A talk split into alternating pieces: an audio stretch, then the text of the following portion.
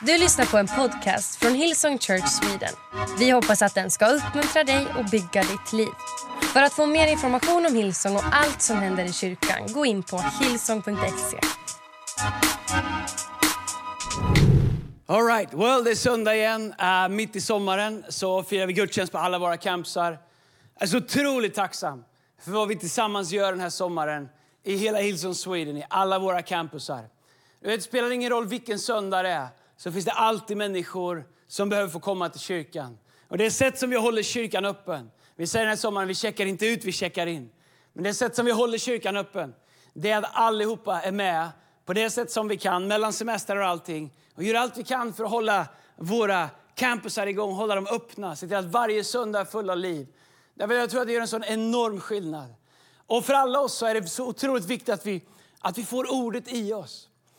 Jesus sa till Petrus, den viktigaste och egentligen enda befallningen som Jesus sa till Petrus när Petrus fick sitt uppdrag, så sa Jesus till Petrus, föd mina lamm. Alltså, ge mat, ge ordet till mitt folk. Se till att de har mat att äta. Och jag vet att en del de kommer till kyrkan på jul och på påsk, men jag vet inte hur man ska överleva om man bara äter på jul och påsk. Eller om vi äter lite terminsvis. Jag tror att vi behöver Guds ord varje dag, varje vecka. Därför så spelar varje söndag roll. Jag läste en undersökning, jag ska tala om det vid ett senare tillfälle, eh, från Barna Institute, att millennials och de som är lite yngre också, de spenderar ungefär 125 dygn per år framför en skärm.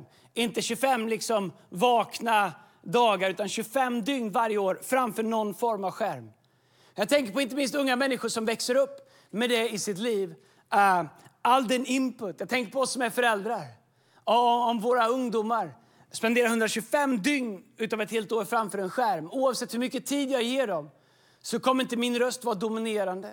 Men samma för alla utav oss. Om vi inte förstår värdet av att äta Guds ord, vara i Guds hus, lovsjunga Gud, kalibrera våra hjärtan så kommer all den andra input som vi får hela, hela tiden den kommer vara normativ, den kommer forma våra hjärtan, den kommer forma våra prioriteringar, forma våra värderingar och den kommer ultimat forma våra liv. Därför för mig så spelar varje söndag roll. Därför att det hjälper oss att hålla kursen, det hjälper oss att äta av Guds ord, det hjälper oss att hålla blicken fäst på allt det som Gud har kallat oss till. Okej, okay, idag ska jag predika om Guds vilja och Guds väg. Vet du jag tror? Att Gud, han har en vilja för våra liv.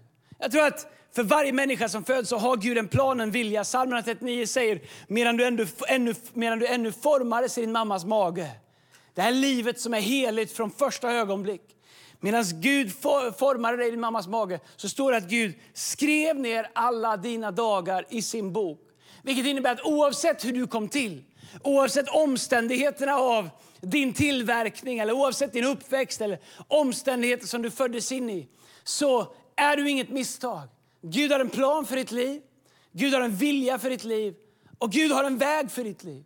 Och Jag tror att det ultimata meningen med våra liv, ultimata liksom, tillfredsställelsen för våra liv, det är att hitta Guds vilja för våra liv och hitta Guds väg för våra liv. Den finns att hitta. Vet, på många sätt så är våra liv eh, som en check. När jag, när jag bodde i USA, jag flyttade 95, då fick jag mitt första checkhäfte. Come on, hand upp alla våra campsar online om du var med på den tiden man hade checkhäften. För alla er kids som växer upp nu som har Apple Pay, Äh, är där du tar fram din telefon, dubbelklickar, kör Face ID och så pröjsar med telefonen. Det fanns innan också. Det var bara att det var superanalogt. Man hade ett litet häfte med massa checkar i, eller checkar som jag kallade dem på den tiden. Massa checkar och varje gång du skulle betala så fick du ta fram en penna och kostade liksom 67,50. Då fick du skriva 67,50 och så fick du skriva vem den var till. Eh, jag tror att vi har en sån check här. Kolla här, det här är en check. En del av er har aldrig sett det tidigare. För en del av oss så blir det nostalgi. Ted Lasso tydligen har en check här. Eh, och här har han, eh, den här är till honom. Det är någon Roy Kent som betalar det. 2000 dollar, 400, 2450 dollar och 42 cent. Det här är samma sak som Swish. Om jag ville swisha någon så skrev jag en check till dem och så gav jag den till dem. Så fick de åka till banken och lösa in den. Eh, sen fick man föra analog liksom saldo eller bok över vad man hade. Det var krångligt för mig kan jag säga. Det är liksom inte min starka... Jag tänkte alltid det skriver jag upp sen. Och så står man där med någon check som liksom inte går att betala med. Och sådär. Och jag hade checkar, det var inte så här stora tack och lov, utan de var kanske bara så här stora checkhäften. Men när man skriver den här checken, så den här checken, den är värd 2450 dollar och 42 cent. Om det finns täckning på kontot såklart. Men förutsatt att det finns det så, den sekunden som man skriver ut den här och skriver under den, så har den det värde som man skriver där på. Samma sak med den här. Det, det, det, här är samma check. Den här har det värdet som man skriver den på. Men om jag tar den här checken och åker till banken och löser in den så får jag cash. Då får jag ut de här pengarna. För den här checken eh, garanterar det värdet. Och på många sätt så är det så att den som skriver ut den måste kunna garantera värdet utifrån att man har det på sitt konto. Men du måste lösa in den för att få ut det som finns här i. Jag kan ta den här checken om den är skriven till mig. Och jag kan, den är värd 2450 dollar och jag kan gå och lägga den i, i min byrålåda. Och den gör ingenting. Den har ett värde. Men jag kan aldrig tillgodogöra mig det. Jag kan inte handla för jag kan inte göra någonting förrän jag tar den till banken och löser in den. Och att de sätter in de pengarna sen på mitt konto. Du vet, Guds löften är som en check. Genom hela Bibeln, över 3000 löften i Bibeln, där Gud har gett oss massa olika löften. Och de är som en check. Och tro mig att Gud har täckning för vad han lovar.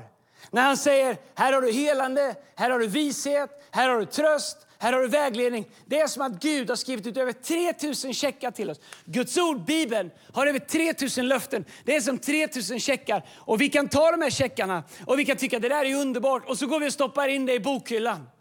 Och så står de där.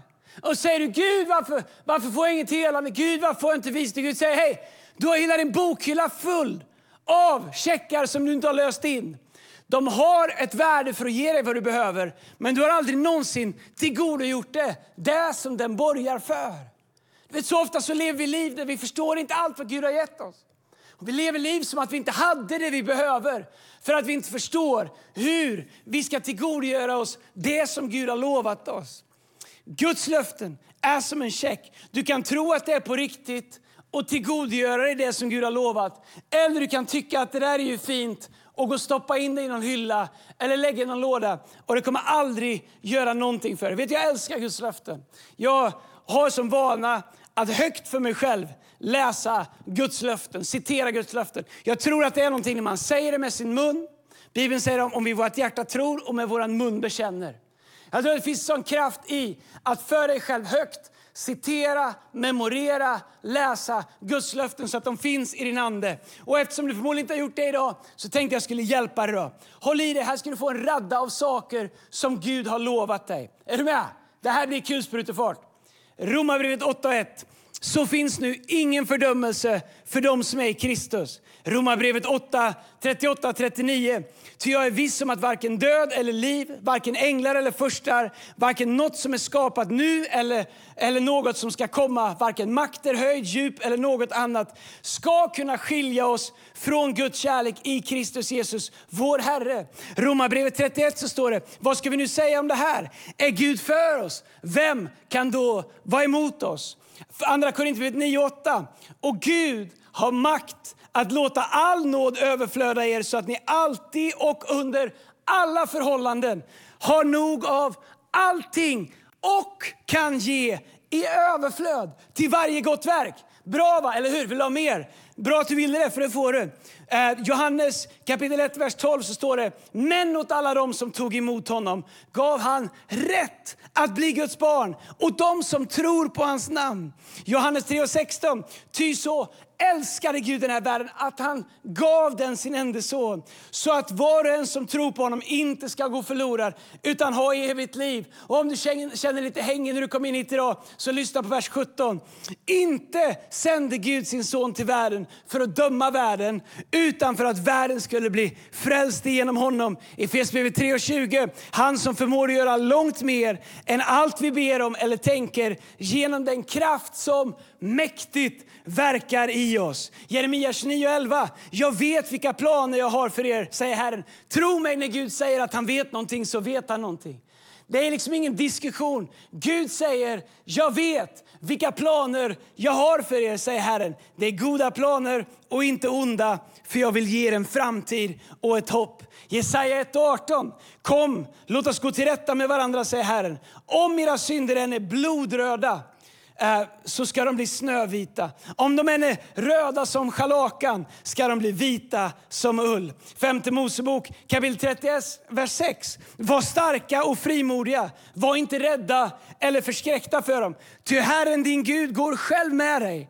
Eh, han ska inte lämna dig och han ska inte överge dig. Vill du ha mer? Bra, det får du. Psalm 42, vers 9. Om dagen sänder Herren sin nåd, om natten är hans sång hos mig. En lovsång till mitt livs Gud. Den är guden som är med dig hela ditt liv genom varje säsong. Filipperbrevet kapitel 1, vers 6. Jag är övertygad om att han som har börjat ett gott verk i er också ska fullborda det in till Kristi Jesu dag. Psalm 139, vers 16. Dina ögon såg mig när jag ännu var ett outvecklat foster. Alla mina dagar blev skrivna i din bok. De var bestämda innan någon av dem hade kommit. Andra Korinthierbrevet kapitel 5, vers 17. Alltså, om någon är i Kristus, vem är någon? Det är vem som helst som är i Kristus. Är han en ny skapelse? Det gamla är förbi. Inte bara lite mindre, inte bara lite, liksom att det inte är så mycket av det längre. Det gamla är förbi. Se, det nya har kommit. Malaki 3.10, För in allt tionde i förrådshuset så att det kommer finnas mat i mitt hus. Pröva mig nu i detta, säger Herren Sebaot, om jag inte kommer öppna för er himmelens fönster och låta välsignelse strömma ut över er i rikt mått. Filipperbrevet 4.19. Så ska min Gud, come on somebody, jag predikar mig själv excited här mitt i sommaren. Så ska min Gud efter sin rikedom på ett härligt sätt i Kristus Jesus ge er allt vad ni behöver. Hur ska du få allt vad du behöver? Det ska du få av Gud som i sin rikedom på ett härligt sätt i Kristus Jesus vill ge dig allt vad du behöver. Ordspråksboken 1.33. Men den som hör mig, den som hör mig ska bo i trygghet utan att behöva frukta något ont. Johannes 14 och 27. Frid lämnar jag efter mig, min frid ger jag er. Inte ger jag er en sån frid som världen ger. Du vet, aktier är ingen frid, ett hus är ingen frid, en relation är ingen frid, cred är ingen frid, like är ingen frid, likes är ingen, eh, är ingen frid. Men Gud, han är fridens Gud och han säger, frid lämnar jag efteråt, eh, efter mig åt er. Min frid ger jag er, inte ger en sån frid som världen ger. Låt inte era hjärtan oroas och var inte modlösa. Till slut Matteus 24 och 35. Himmel och jord ska förgå, men mina ord ska aldrig förgås. Vad är det där för någonting? Det är checkar ifrån Gud. Det är löften ifrån Gud. Det är saker som Gud har sagt. Här får du frid. Jag skriver ut kärlek, jag skriver ut förlåtelse, jag skriver ut barmhärtighet, jag skriver ut nåd, jag skriver ut vishet. Men så ofta så tänker vi, ja det var ju fint, ja det var ju saligt. Det kanske inte vet, vem vet om det här funkar? Jag törs inte gå till banken och casha in den, för tänk om den inte funkar. Min vän kan jag säga en sak, Gud har aldrig skrivit ut ett löfte som han inte har täckning för. När han säger, min frid ger jag er, så har han frid och ge åt oss. När han säger jag ska göra en väg för dig när det inte finns någon väg så är det för att Jesus säger jag är vägen. Han inte bara har en väg, han är en väg. Min vän, de flesta av oss vi ber Gud om saker som han redan har gett oss. För att vi inte vet hans löften. Vi säger åh Gud kan du hjälpa mig? Gud bara, vad är det för fel på dig? Det säger han inte, det är bara jag som tänker det. Jag har ju redan skrivit ut det åt dig. Om du bara öppnar din byrålåda, dammar av din bibel lite grann och öppnar och ser allt vad du har lovat. Över 3000 löften. Mer än tio löften varje dag. Hela året. Gud har lovat oss så mycket. Ändå så kan vi ett eller två och så går vi runt och hoppas att Gud skulle kunna göra någonting. När han redan sagt, Var, varför ber du mig om det? Jag har redan gett det till dig. Varför tvivlar du på det? Jag har ju lovat det. Och tro mig, Gud, han har saldo på kontot för att ha täckning för det han säger. Men hur kan vi lösa ut Guds löften i våra liv? Hur kan vi hitta Guds väg och Guds vilja och Guds löften i våra liv? Så att vi inte bara har ah, att tänk och dö utfattig eh, uthungrad, utmärglad för att du inte hade någonting i livet. Men du har ett konto som håller på att sprängas av resurser. Men du fattar aldrig att du hade det. På samma sätt lever så många av oss kristna. Vi har allt det här i Gud. Ändå försöker vi hanka oss fram med smulor. Som att Gud retar oss. Vi har en hund hemma, Spike. Han har ett öga och fyra, fem tänder kvar. Men du vet, han får aldrig någonting på vårt matbord. Ibland är han hos min farsa, som jag tror tittar på det här. Och eh, när han har varit där några dagar, förlåt pappa, jag menar inget illa. Eh, Spike vet att hemma hos oss får han inget matbord. Men han har varit farsa några dagar så har han en tendens att komma till matbordet och tänka att det kan komma någonting. Jag vet inte var han lär sig det beteendet. Men du förstår, han hoppas, efter tio år så hoppas han att ja, det här skulle vara dagen när han får en smula, en köttbit från bordet, vilket han inte får. För jag är den gamla skolan, hundar ska inte tigga vid borden. Men du vet, så många av oss vi lever på samma sätt. Kanske är det här dagen jag skulle få en smula från Gud. För Gud han är annorlunda. Han ger inte bara en smula, han tar tallriken med hela steken och han ställer den på golvet och han säger inte bara den här, utan det kommer ligga en stek på tallriken här varenda gång du kommer hit. Ändå känns det som att vi går till andra sidan bordet och blundar för det. jag tänker, kan jag inte få en smula där uppifrån istället? Ett Guds löften kan förvandla dina liv. Guds ord kan förvandla ditt liv. Sen Andreas, vad är meningen med mitt liv? Det är superenkelt. Tro på Gud. Tro på vad han har sagt. Lev i det han har för dig. Vad vill Gud jag ska göra? Gud vill att du ska tro honom, lita på honom och, och, och leva i det han har för dig. Ibland tänker jag att Kristus gav sitt liv för så mycket, ändå så väljer vi att bara tillgodogöra oss så lite. Vi är Guds barn. Mina barn vaknar inte på morgonen, mina ungdomar ska jag säga, och funderar på hur elen ska funka. Eller om lamporna är på, eller om det finns mat i kylen. Eller om det är varmvatten i kranen. Eller om det är eh, bensin eller diesel i tanken. De bara utgår från att det finns därför att de är barn. De är ungdomar. Till oss, till mig och Lina. Ändå så går vi till våran far Gud. Och så tänker vi, Gud har du verkligen någonting för mig? Kommer det funka idag? Gud, vad är det för Jag är en god far, jag är eran far. Allt i himmelen är mitt, allt på jorden är mitt. Hela världens rikedomar, säger Bibeln, tillhör Gud. Och han har gett oss de här löftena som checkar, men hur kan vi lösa ut det i våra liv? Och jag ger er några förslag på det. En tre, fyra punkter. Det första sätt som vi kan göra det är att förstå att Guds väg och Guds löften för ditt liv finns i Guds vilja för ditt liv. Guds väg och Guds löften för ditt liv finns i Guds vilja för ditt liv. Lyssna, vi kan inte tillgodogöra oss vad Gud har lovat och inte vilja ha hans vilja för våra liv.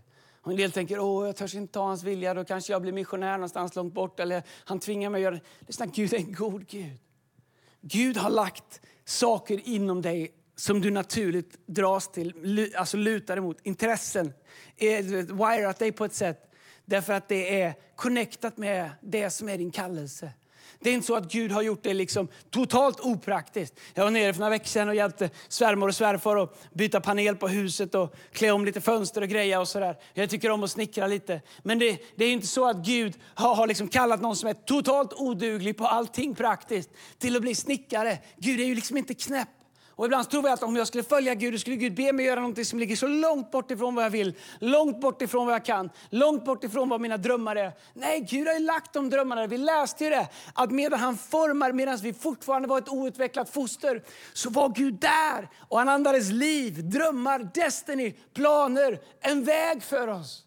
I våra liv. Han skrev ner alla våra dagar i sin bok. Och så har han lagt det inom oss. Och när vi väljer Guds vilja för våra liv så kommer vi också hitta Guds väg och Guds löften för våra liv. Därför att Guds löften är connectade till Guds vilja. Vi kan aldrig säga jag vill ha Guds löften men inte Guds vilja. Jesus säger åt mig har givits all makt i himlen och på jorden. Samtidigt säger han jag gör bara det jag ser min fader i himlen göra. Så han är obegränsad i makt. Han är obegränsad i kraft. Han är obegränsad i allting. Men han är frivilligt bunden till Faderns vilja. kan man tänka, varför gjorde han det? Jo, det faktum att han var böjd under Fadern gav honom all makt i himlen och på jorden. Vet att djävulen en gång var himmelens, himlarymdens absolut främsta lovsångsledare. Men han ville inte underordna sig Gud. Han ville inte underordna sig Guds vilja. Därför försökte han göra uppror och blev utslängd ur himmelen. Han hade allt. Han var så nära man kunde komma. Han var nära tronen, han ledde lovsången. Här kan se framför mig att han var nära Fadern, nära Sonen. Men han ville aldrig ha Guds vilja i sitt liv. Därför så har han heller inte möjlighet att leva i Guds löften eller vad Gud har lovat. Men lyssna, Guds vilja, när vi bejakar den, när vi säger ja till den, oavsett vad det är, med vetskapen om att Gud har alltid bättre och större planer för mig än vad jag har. Guds vilja kommer alltid ta oss in i Guds löften. Guds vilja kommer alltid visa oss Guds väg för våra liv. En väg som är bättre än alla vägar vi kan hitta på själva. Och genom att bejaka Guds plan för ditt liv så får du access till Guds löften för ditt liv. Därför att Guds löften är koppla det till Guds plan i ditt liv. Ordsboken 16 och, 23, 16 eh, och 3 så står det Befall dina verk åt Herren, så har dina planer framgång. Alltså ge det till Gud, så kommer du ha framgång i det du gör. Psalm 91, vers eh, eh, 11 så står det Ty han ska ge sina änglar befallning om dig att bevara dig på alla dina vägar. Gud, han vill hjälpa dig. Han har en plan för dig. Så bestäm dig för att sätta Guds vilja och Guds vägar först i ditt liv. Det andra sättet som vi förlöser Guds löften i våra liv och lever i vad Gud har för oss. Nummer två, det är sälj inte din originaldröm för en dålig kopia. Vet, ibland i livet så får man vänta på saker. Ibland i livet så tar det lite längre än vad vi hade tänkt. Och tro mig, vänta. Det är liksom inte ens topp 100 på mina bra saker som jag är bra på i livet. Det är inte ens topp 1000. Det är inte ens med på någon lista som jag är bra på. Det är högst upp på alla listor av saker jag inte är bra på eller saker jag är dålig på. Jag gillar inte att vänta. Men faktum är att vi måste förstå att Guds tid och vår tid är annorlunda.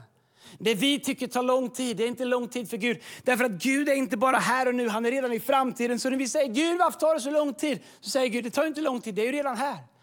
Men vi är här. Så vi tycker att det inte har hänt med Gud, så jag är redan också i framtiden. Så jag är redan när det har hänt, när det har fullbordats, så jag är inte stressad. Därför så är det så lätt för oss. När vi börjar tjäna Gud, vi börjar gå med Gud, vi börjar liksom lyda Gud och sätta hans löften i rörelse i våra liv. Och så tycker vi att det tar lång tid. Gud, jag vill sätta dig först. Gud, jag sparar till en handpeng. Och Gud, jag ger mig tionde. Gud, det tar för lång tid innan jag får mitt mirakel. Jag är bättre med lägenhet, jag är bättre med ett hus. Nu struntar jag i tiondet, nu struntar jag i att leva generöst. Nu samlar jag allting själv. Och så säljer vi vår originaldröm för en dålig kopia för att vi tror att det ska göra att vi kommer snabbare fram. Lyssna, det kommer aldrig gå snabbare genom att frångå Guds principer, frångå Guds löften, frångå Guds plan. Det kommer aldrig ta dig in i det Gud har för dig. Gud har en originaldröm för dig. Och det är bättre att under lite längre tid få färdas mot det än att gena och cut corners och nöja sig med en kopia av det som Gud hade som original. Lyssna, det näst bästa är alltid det bästas fiende. Kan man tänka, det sämsta måste väl vara det bästas fiende? Nej, det sämsta är inte det bästas fiende. Det sämsta är så uppenbart så att vi vet att vi inte får bråkdelen av det. Det näst bästa är alltid det bästas fiende. Därför att det är så lätt för oss att nöja oss med det näst bästa. Jag är nästan lycklig. Jag har nästan frid. Jag är nästan generös. Jag, är, jag har nästan förlåtit dem som har gjort mig illa. Jag har, så vi är nästan där. Så vi, vi, vi tycker att vi borde ha access till det, men vi får det aldrig. För vi är nästan där. Om jag väljer att leva i hat, då vet jag att jag lever i hat. Om jag väljer att leva själviskt och egoistiskt, då vet jag det. Därför så kommer fienden aldrig erbjuda dig liksom att bli, nej nu ska jag bli svartrockare här och klä mig i whatever. Jag har inte med saken att göra. Men nu ska jag gå ut och vara ett svin. Jag ska inte vara en geslänge, jag ska vara ett svin. Jag ska bara gå ut och välta papperskorgar och putta omkull folk och kalla. Det är ingen av oss som tänker det. Men tänk så här, måste jag verkligen vara så överlåten? Kan jag inte vara lite mindre överlåten till Gud? Måste jag verkligen leva så rent? Kan jag liksom inte leva bara lite rent, fast inte så mycket? Måste jag verkligen överlämna mig helt till Gud? Det räcker inte att jag är överlämnad till honom på söndagar på min connect-grupp. Och när jag, du vet så här, fienden är för smart för att visa dig det värsta. Han kommer ge dig en option på en dröm som är nästan originaldrömmen. Han kommer öppna en dörr för dig som är nästan den dörren som Gud hade för dig. Och om vi inte förstår att det näst bästa alltid är det bästas fiende, då kommer vi alltid leva i ett nästan-liv. Jag är nästan lycklig, vi har nästan ett bra äktenskap. Jag, har liksom nästa, jag lever nästan i min dröm. Nästan, nästan, nästan, men jag är nästan aldrig där. Ingenting är mer frustrerande än att nästan vara där men ändå inte vara där. Lyssna, Noa han byggde på arken i 40 år. 40 år! Men vet du, han byggde varje dag. Även om det tog 40 år. Medan människor stod och skrattade, människor stod och hånade honom, människor ifrågasatte honom. Vad gjorde han eh, första dagen? Han tog en planka, spikade fast den. Vad gjorde han sen? Tog en planka till. Vad gjorde han andra dagen? Han tog en planka och spikade fast Vad gjorde han tredje dagen? Tog en planka och spikade fast den. Vad gjorde han efter fem år? Han tog en planka och spikade fast den. Vad gjorde han efter tio år? Han tog en planka och spikade fast den. Vad gjorde han efter 15, 20, 25, 30, 40? Han tog en planka och spikade fast den. Vad var skillnaden på dag ett och, och liksom första dagen i det 40 året? Ingenting. Han gjorde samma sak.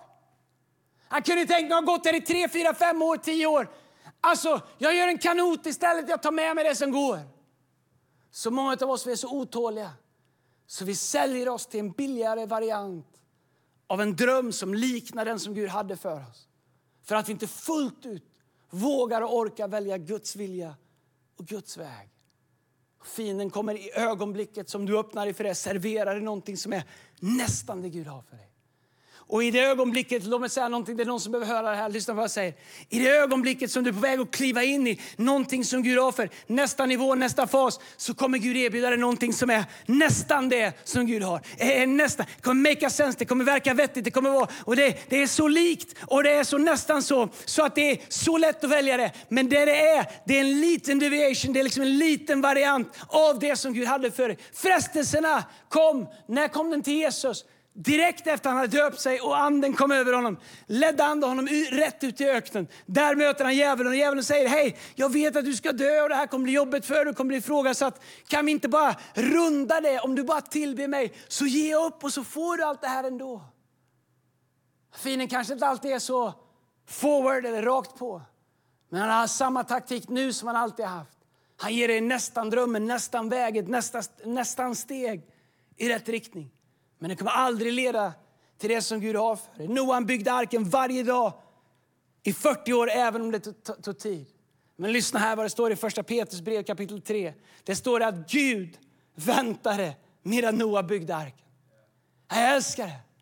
40 år, same thing. En dag till, en planka till, en dag till, en planka till. Och säg att Gud väntade medan Noa byggde arken. Gud var aldrig stressad för han visste var kranen satt till regnet som skulle komma. Noa visste det inte. Människorna hycklade, eller eh, häcklade honom. Människorna har ingen kran. Men Gud var inte stressad. Han bara väntade medan Noa trofast fortsatte. Var Noa en stor man? Vi sjunger om Noa. Gubben Noa, gubben Noa var en hedersman. Eh, eh, jag kommer inte ens ihåg hur den går. Och Noa han är en av trons hjältar. Vad gjorde han? Han snickrade i 40 år. Mot bättre vetande så höll han på i 40 år. Ingen av oss hade gjort det. Men Gud väntade. För Gud, han är början och slutet. Gud vet vad det kommer leda till. Så många av oss vi har nöjt oss med en kopia av vår dröm. Därför att vi tröttnade på att göra samma sak, samma sak, samma sak. Och till slut så tycker vi att jag behöver inspiration, jag behöver det, jag behöver, jag behöver nästa steg, jag behöver Gud, jag behöver tecken, Gud, jag behöver en dans, jag behöver vad, det, vad det är. Och så, tro, så fattar vi inte kraften i att bara ge sig till Guds väg och Guds vilja och lita på att han som har startat ett gott verk i oss, han kommer fullborda det i oss. Han ger oss inte en dröm för att reta oss, han ger oss en dröm för att vi ska få en glimt av det som väntar oss. Men djävulen kommer servera dig en enkel kopia på det. Håll fast i vad Gud har sagt medan han väntar på att vi ska göra vad han har kallat oss till. Håll fast i vad Gud har sagt även när det tar tid. Gör det Gud har sagt även när det inte verkar logiskt. Ordspråksboken 16 och vers 8 så står det bättre äga litet med rättfärdighet än tjäna mycket med orätt. Lyssna, fienden kommer ge en genväg till mycket. Men Bibeln säger det är bättre att äga lite med rättfärdigheten, tjäna mycket med orätt. Du förstår, Gud han är inte imponerad att vi klarar att skapa framsteg för oss själva som han aldrig har kallat oss till. Som är steg i fel riktning. Omvärlden kanske applåderar, men Gud vet och ditt hjärta vet, det är fel väg för dig min vän. Då är det bättre att som Noa stå där med en hammare och spika dag ut och dag in i något som verkar litet, men med rättfärdighet. Än att tjäna mycket med orätt. Därför att med Gud så kommer vi aldrig förlora. Lyssna, djävulen struntar fullständigt i hur mycket du har så länge det som du har inte är en frukt av Guds välsignelse i ditt liv. Alltså liksom vad jag säger. För han, han struntar fullständigt i hur mycket du har. Du vet, han kan, du vet, så här, och, du vet, så här, kan ha hur mycket som helst. Du vet, han, han blästar, eh, fienden kan också göra saker i våra liv. Och han, han, du vet, så här, men han hatar när det är en välsignelse i våra liv. När det är någonting som Gud har gett oss. Lyssna, att, att ha success, att ha framgång, att ta en shortcut, att göra det för sig själv. Du vet, första gången kallade Gud Mose till att slå på klippan med staven när det kom vatten. Andra gången de behövde vatten sa Gud till Mose, tala till klippan. Men Mose tänkte, att äh, det är för bökigt, det vet jag inte hur det funkar. Jag gör som jag alltid har gjort. Och så slog han på den. Det kom vatten, men Gud sa, för att du inte har lytt så får du inte följa med in i löfteslandet. Lyssna, det är bättre att äga lite med rättfärdighet än att tjäna mycket i orättfärdighet eller på egna sätt. Fienden har inga problem med om du lever i en nästan dröm. Han har inga problem med att du är nästan välsignad, nästan har frid, nästan har purpose, nästan har ett kas. Men det sista han vill är att du verkligen skulle ta sista steget in i det som är Guds kallelse för ditt liv. Right, jag har två punkter kvar, så jag hinner båda. Det tredje som jag skulle säga är lita på att den helige Ande går med dig och att han öppnar dörrarna för dig. Uppenbarelseboken 3.8 så står det så här. Jag känner dina gärningar. Se, jag har låtit en dörr stå öppen för dig som ingen kan stänga. Ty din kraft är ringa och du har hållit fast vid mitt ord och inte förnekat mitt namn. Jag älskar det här. Jag har läst det många gånger, men jag läste det igen här tidigare idag och igår. Där det står så här. Se, jag har låtit en dörr stå öppen. Du vet när det kommer folk hem och du tänker jag låter dörren stå öppen så kan de gå rakt in. Jag vet inte exakt när de kommer så jag låter dörren stå öppen. Gud säger inte jag kanske öppnar när du kommer när han säger jag har låtit en dörr stå öppen för dig. Jag har ställt upp den här dörren för dig. Kom bara. Ja, men jag är inte riktigt där. Det är lugnt. Dörren står öppen för dig min vän. Sen jag låter en dörr stå öppen för dig som ingen kan stänga. Och så säger han din kraft är ringa. Så är det ibland. Men du har hållit fast vid mitt ord och inte förnekat mitt namn. Du vet, det går att hålla fast i Gud även när vi känner att kraften är ringa. Om du håller fast i Gud, håller fast i vad han har sagt, håller fast i vad han har lovat så kommer du upptäcka att dörren står öppen för dig min vän. Det fjärde och det sista. Lägg ditt liv i Guds händer. Lägg ditt liv i Guds händer. In, inte bara liksom låt Gud använda lite nu. Lägg ditt liv i Guds händer. Vet du vad frihet är? Frihet är att överlämna sig till Gud. Frihet är att fullt ut surrender. Vi sjöng en låt förr som heter I surrender. I surrender. En äldre längre tillbaka, när jag bodde i USA, så sjöng vi en låt så här, som, var, som gick I surrender all, I surrender all. All to thee my precious Jesus, I surrender all. Du vet, frihet kommer i att ge upp. Frihet kommer i att överlämna sig till Gud. Andreas, hur ser din framtid ut? Jag vet inte. Jag vet inte vad min framtid innehåller, men jag vet vem som håller i min framtid. Jag gav mitt liv till Jesus och han har aldrig svikit mig. Ibland har jag känt mig som Noa, att jag bara står och hamrar och spikar. Jag vet inte ens vad jag håller på med. Men jag har bestämt mig för att fortsätta därför att jag vet att jag har en Gud som väntar. En Gud som inte lämnar, en Gud som inte ger upp, en Gud som inte är stressad. Ibland har jag jagat och jagat och jagat och det känns som jag är för sen, aldrig ikapp, men jag upptäckte att dörren stod öppen när jag kom fram. Jag upptäckte att när jag hållit fast i vad Gud sa, även i uppförsbackar, även i trånga passage, så har Gud hållit vad han har lovat. Han har hållit dörren öppen. Min vän, lägg ditt liv i Guds händer. Så många av oss vi kämpar så mycket. Men den kampen vi kämpar och den strävan vi har, det är egentligen strävan och kampen av att vi vill göra det på vårt sätt. Vi vill ha kontrollen, vi vill kunna säga att det var vi som gjorde det. Lyssna, surrender. Ge ditt liv till Gud. Hans vilja och hans väg. Det kommer göra dig fri. Det kommer förlösa alla Guds löften i ditt liv.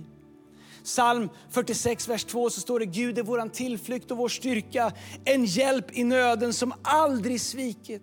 Därför räds vi inte om jorden skälver och bergen störtar i havets djup, om en vattnet brusar och skummar och bergen darrar vid havets uppror. Psalm 66, vers 12, jag älskar den här. Vi gick genom eld och vatten, men du förde oss ut och gav oss överflöd. Come on som älskar. Vi gick genom eld och vatten, men du förde oss ut och gav oss överflöd. Jag älskar att Bibeln är ärlig. Du kanske får gå genom eld och vatten, men Gud kommer föra dig ut och han kommer ge dig överflöd. Om du tror det så kommer du inse att ingenting plus Gud alltid är mer än allting som vi någonsin kan ha utan Gud. Jag säger igen, ingenting plus Gud är alltid mer än allting som vi kan ta för oss själva i egen kraft. Därför är hans vilja och hans väg det bästa vi kan ha i våra liv. Det är det bästa och mest dyrbaraste vi kan ha i våra liv. Det är då vi kommer upp, upptäcka att Gud han har gett oss så många löften.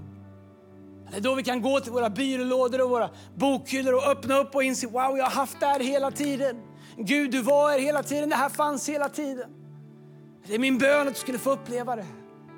Att du inte skulle leva på ett eller två löften. Det är som att hoppa på ett ben hela tiden när du har fler. Det är som att ha fyra hjul på en bil och punka på tre och undra varför livet är så hårt. Lyssna, det finns mer. Gud har mer för dig. För dig min vän. Du som tror att det inte är för dig, du som tror att du inte är tillräckligt bra, du som tror... Du har inte fått ett enda löfte från Gud för att du förtjänar och inte jag. Eller vi har fått det på grund av hans nåd. Men vet du vad det största löftet är? Det är löftet om att när vi dör så ska vi fortsätta leva i himlen. Ibland tänker vi att det här jordelivet, det vi har här, det är allting. Och vi mäter oss mot varandra, vi tävlar i livet och vi gör allt det här och vi strävar och vi är avundsjuka på andra. Ändå säger Bibeln att våra liv är som dimma. Här idag, borta imorgon. Jämfört med evigheten. Att vi ska leva för evigt. Det största löftet Gud har gett. Det är att var och en som tar emot Jesus ska leva även när man dör. Jag vet inte när jag börjar bli äldre, men jag har tänkt på den del i sista. Att en dag ska jag stå inför Gud. Och jag ska gå över till andra sidan, in i evigheten. Och Gud säger att för alla som tar emot hans son Jesus som en gåva så har han förberett en plats hos honom i himlen. Men jag vet inte om du känner Jesus. Men Gud gav oss ett löfte att var och en som tror på Jesus, var och en som tar emot honom ska leva även om han dör. Därför är det min bön att du skulle ta emot det löftet. Att du skulle ta emot den gåvan. Du som aldrig har sagt ja till Jesus. Du behöver inte förstå allting med honom. Han är inte ett koncept, han är ingen ideologi, han är ingen religion. Han är en levande relation som du tar emot, som du säger ja till, som du lär känna. Där er relation växer, där du förstår mer och mer. Men någonstans måste du säga ja eller nej. Någonstans måste du ta emot det eller så måste du förskjuta det.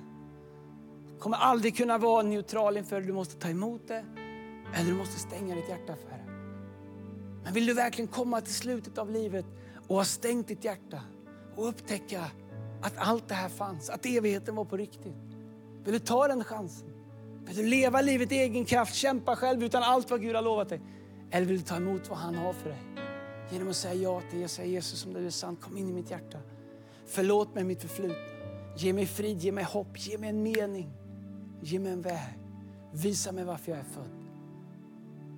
Om du är här idag som aldrig har bett den bönen på någon av våra campusar eller online, då är det min förmån att få leda dig i en bön.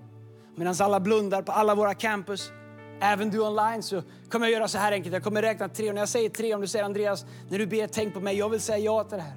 Jag vill öppna den här dörren i mitt inre. Jag, jag fattar inte allting, men, men jag, vill inte, jag vill inte förskjuta det här längre. Jag vill inte förneka eller försaka det här längre. Om det här är sant, då vill jag öppna mig till detta och säga Jesus, om du finns, om du är Guds gåva, om, om du är ett löfte och en gåva från Gud till mig, då vill jag upptäcka det och ta emot det. Jag vill veta om det är på riktigt. Om du aldrig har sagt ja till det, då vill jag be för dig. Alldeles strax kommer jag räkna till tre och när jag säger tre medan alla blundar, då skulle jag vilja att du lyfter din hand. Du säger Andreas, när du ber, tänk på mig. Jag vill uppleva det här idag. Jag vill säga ja till det. Men kanske finns du också med oss på någon av våra camps här online som en gång levde i Guds löften. Du levde i Guds vilja, men om du är ärlig så har du driftat bort därifrån. Någonting händer, du har hamnat därifrån. Men, men Guds löften gäller fortfarande, hans kärlek finns fortfarande kvar. Dörren står fortfarande öppen för dig min vän. Om du bara vänder tillbaks till det som du har driftat bort ifrån. Kanske här idag så måste du våga vara så ärlig med dig själv att du säger Gud vet du vad, jag måste vända om, jag måste vända tillbaks till dig igen. Jag måste ta tillbaks det där som jag en gång hade och låta dig Gud få bli Herre i mitt liv igen. Om du vill lära känna honom för första gången eller du behöver vända om och komma tillbaks till Gud igen, du vet att du behöver det. Medan alltså, alla nu blundar, när jag säger tre, lyft upp din hand. Bara tillräckligt högt, tillräckligt länge så jag vet vem jag ber för. Var frimodig. Det här är ditt ögonblick. Är du redo? Alla campusar, även du online. När jag säger tre, om du säger Andreas, tänk på mig när du ber. Det här gäller mig idag. Lyft din hand när jag säger tre. Ett, två, tre. Just nu, lyft din hand. Tack så jättemycket. Alla våra camps. kom on, lyft era händer. Ni säger, det är mig. Det, det här, jag är här för en anledning idag. Kanske känner du att ditt hjärta bultar. Gud har dratt dig hit idag mitt i sommaren till någon av våra campsar eller framför en skärm. För han vill ha dig. Han älskar dig, han har så mycket att ge till dig. Du har så mycket, så mycket löften som bara ligger som väntar på att få komma dig till godo. Kom och lyft din hand. Det är du. Det är du idag. Lyft den. Säg ja. Kom tillbaks till Gud igen. Starta om igen om du behöver det. All right, ni som har lyft er händer kan ta ner dem så ska vi be tillsammans. Jag ber för och allihopa ber den här bönen efter mig. Tack Jesus att du älskar mig. Jesus kom in i mitt hjärta. Förlåt mig min synd. Från och med idag är jag din och du är min. Tack Jesus att du har en väg och en vilja för mitt liv. Jag väljer dig idag Gud. Jag säger ja till ditt löfte. Jag tar emot din son Jesus. Jag vill följa honom resten av mitt liv. Tack att du har öppnat en dörr för mig som står öppen. I Jesu namn vi ber. Allihopa sa Amen, amen, amen. Hej om du bara en bön, stort grattis. Jag vill från djupt av mitt hjärta säga att du har gjort något fantastiskt bra. Och alldeles strax så kommer någon komma upp och bara berätta om eh, vad som händer nu, avslutet på det här mötet. Du har lyssnat till en podcast från Hillsong Church Sweden. Om du vill veta mer om vår kyrka eller om våra söndagsmöten surfa in på hillsong.se.